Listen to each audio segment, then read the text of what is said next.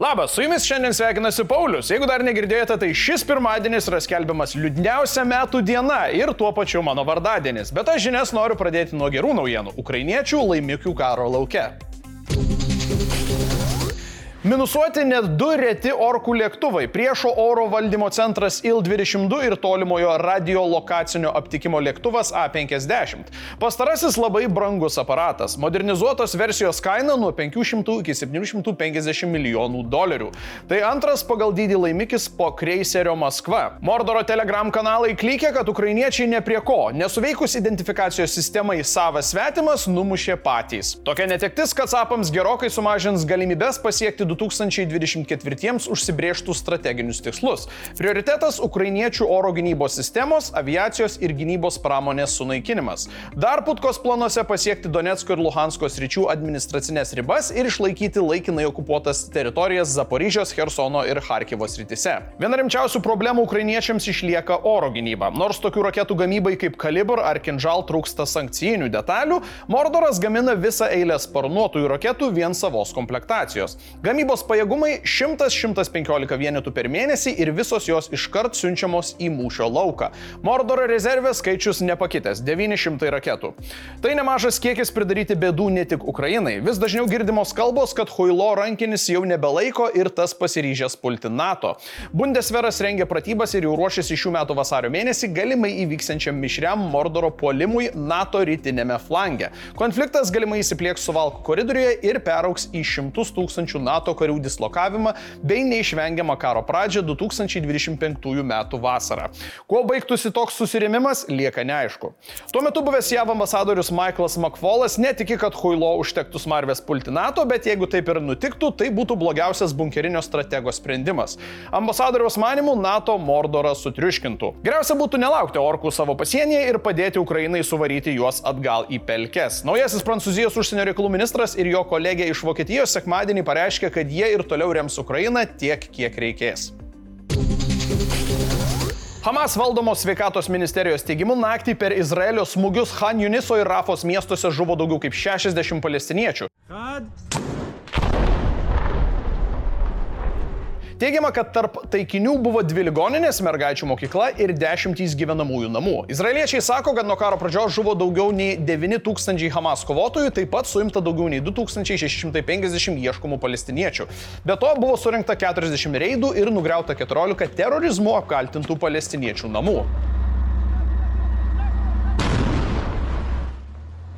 Libano ir Izraelio siena vis dar nepaprastai karštas taškas. Teroristai Hezbollah paleido prieš tankinę raketą, kuri nužudė du žmonės. Taip pat Izraelio kariai nukovė keturis ginkluotus užpuolikus, kurie naktį atėjo iš Libano. Reaguodami į atakas, izraeliečiai surengė dar vieną antskrydžių bangą operatyviniams valdymo centrams. Izraeliečiai nuo karo pradžios, sako, Libane nukovė daugiau nei 170 teroristų ir sudavė apie 750 smūgių Hezbollah pozicijoms. Įtampa nemažėja ir Raudonojoje jūroje, kur siautėja Jemeno Husi Husiai reikalaujantis daugiau humanitarinės pagalbos palestiniečiams.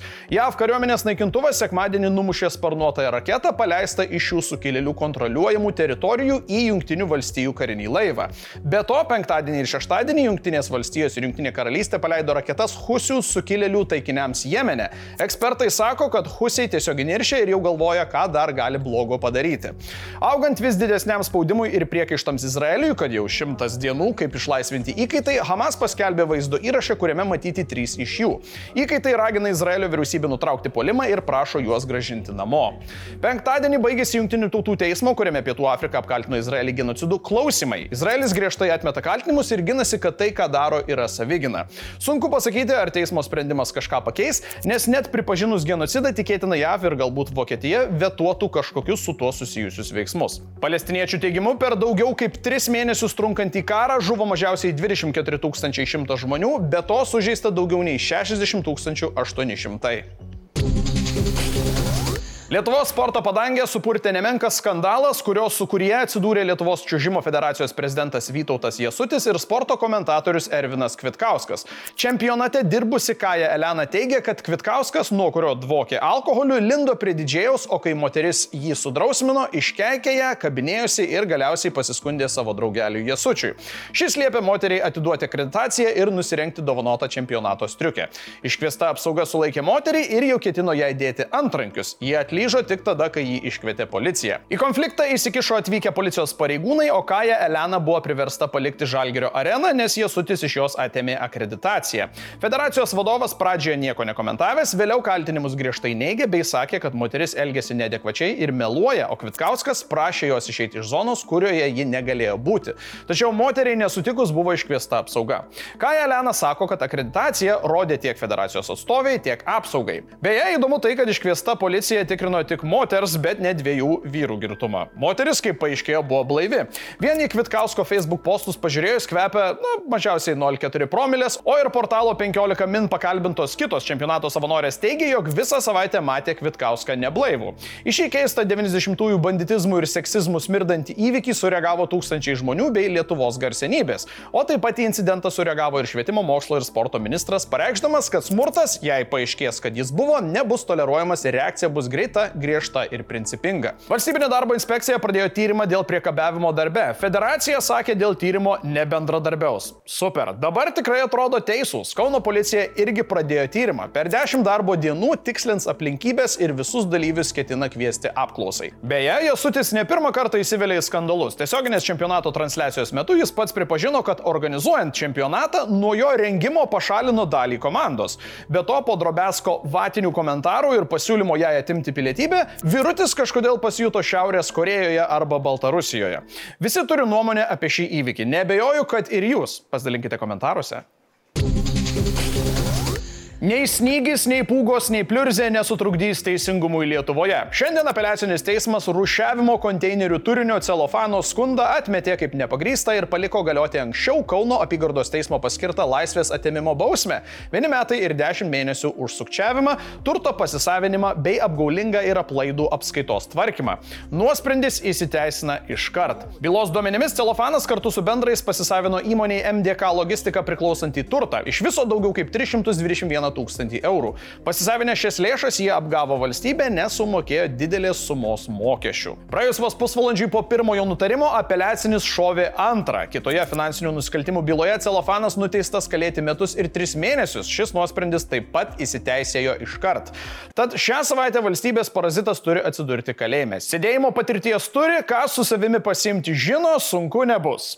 Kiek realiai sėdės celofanas bus aišku, kai bausmės dėl abiejų nuosprendžių bus subendrintos. Ta turėtų padaryti pirmosios instancijos teismas. Kandroto anksčiau kalėjimuose praleistas laikas bus įskaitytas į dabar nuosprendžiais paskirtas bausmes. Šiandien abu paskelbti apeliacinio teismo verdiktai dar gali būti skundžiami Lietuvos aukščiausiam teismui, tik prezidento rinkimai celofanui matyt, kad jau nuplaukė. Nors jeigu turime sėdintį Seimūną, gal ir sėdintis prezidentas gali būti. Blitz naujienos. Sekmadienio rytą Islandijoje atsivėrė du ugnikalnio plyšiai. Išsiveržusi tekanti lava padegė Grindaviko mieste esančius namus. Ekspertai šį išsiveržimą pavadino blogiausiu scenarijumi. Teko evakuoti visus miestelio gyventojus. Lavos rautas atkirto ir pagrindinį kelią į miestą. Kol kas mokslininkai nenumato išsiveržimo trukmės. LGBTQ atstovų engimu kaltinamas Gražulis šiandien atvyko į Vilniaus apygardos teismą, kur turėjo būti nagrinėjama jo baudžiamoji byla. Tiesa, ten tik pasikalbėjo su žurnalistais ir išvažiavo, pasakęs, kad į posėdį neis. Teismas už neatvykimą į posėdį jam skyrė 250 eurų baudą. Tuo tarpu Petras pareiškė, kad į teismą atvyks, kai bus nuteisti ir kiti asmenys. Jo akimis Olegas Šuraivas, Arūnas Valinskas ar Algis Ramanauskas.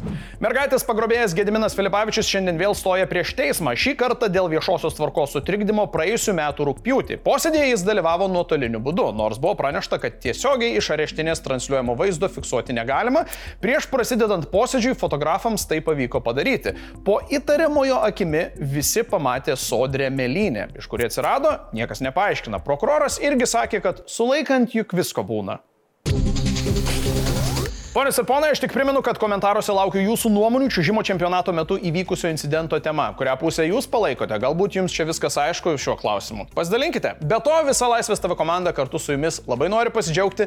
Per savaitgalį perkopėme 180 tūkstančių prenumeratorių žymą. Po truputį su didelėm pastangom to siekėme ir mums tai pavyko. Dėkojame jums už pasitikėjimą.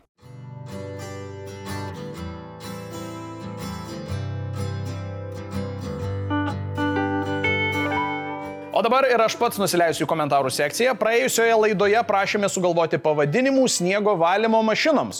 Komentatorius Modiukas nusprendė pakeisti tiek žinių vedėjų vardus ir pritaikyti pavadinimus pagal juos. Kaip jums skamba Slidija Žemskienė, Druskovykas paslidūnas arba pabarstūnas, Kelius užsniko, Snigūras Pugusevičius ir Eglė Sniegaitytė. Na, o du mūsų žiūrovai džiaugiasi sugrįžusiu tadadadam. Palaukit, pabandysiu ir aš, nes kiek žinau, visi vidėjai yra šitą išbandę. Tadadadam. Nu kaip, įvertinkite ir pasimatome jau kitoje tiek žinių. Iki.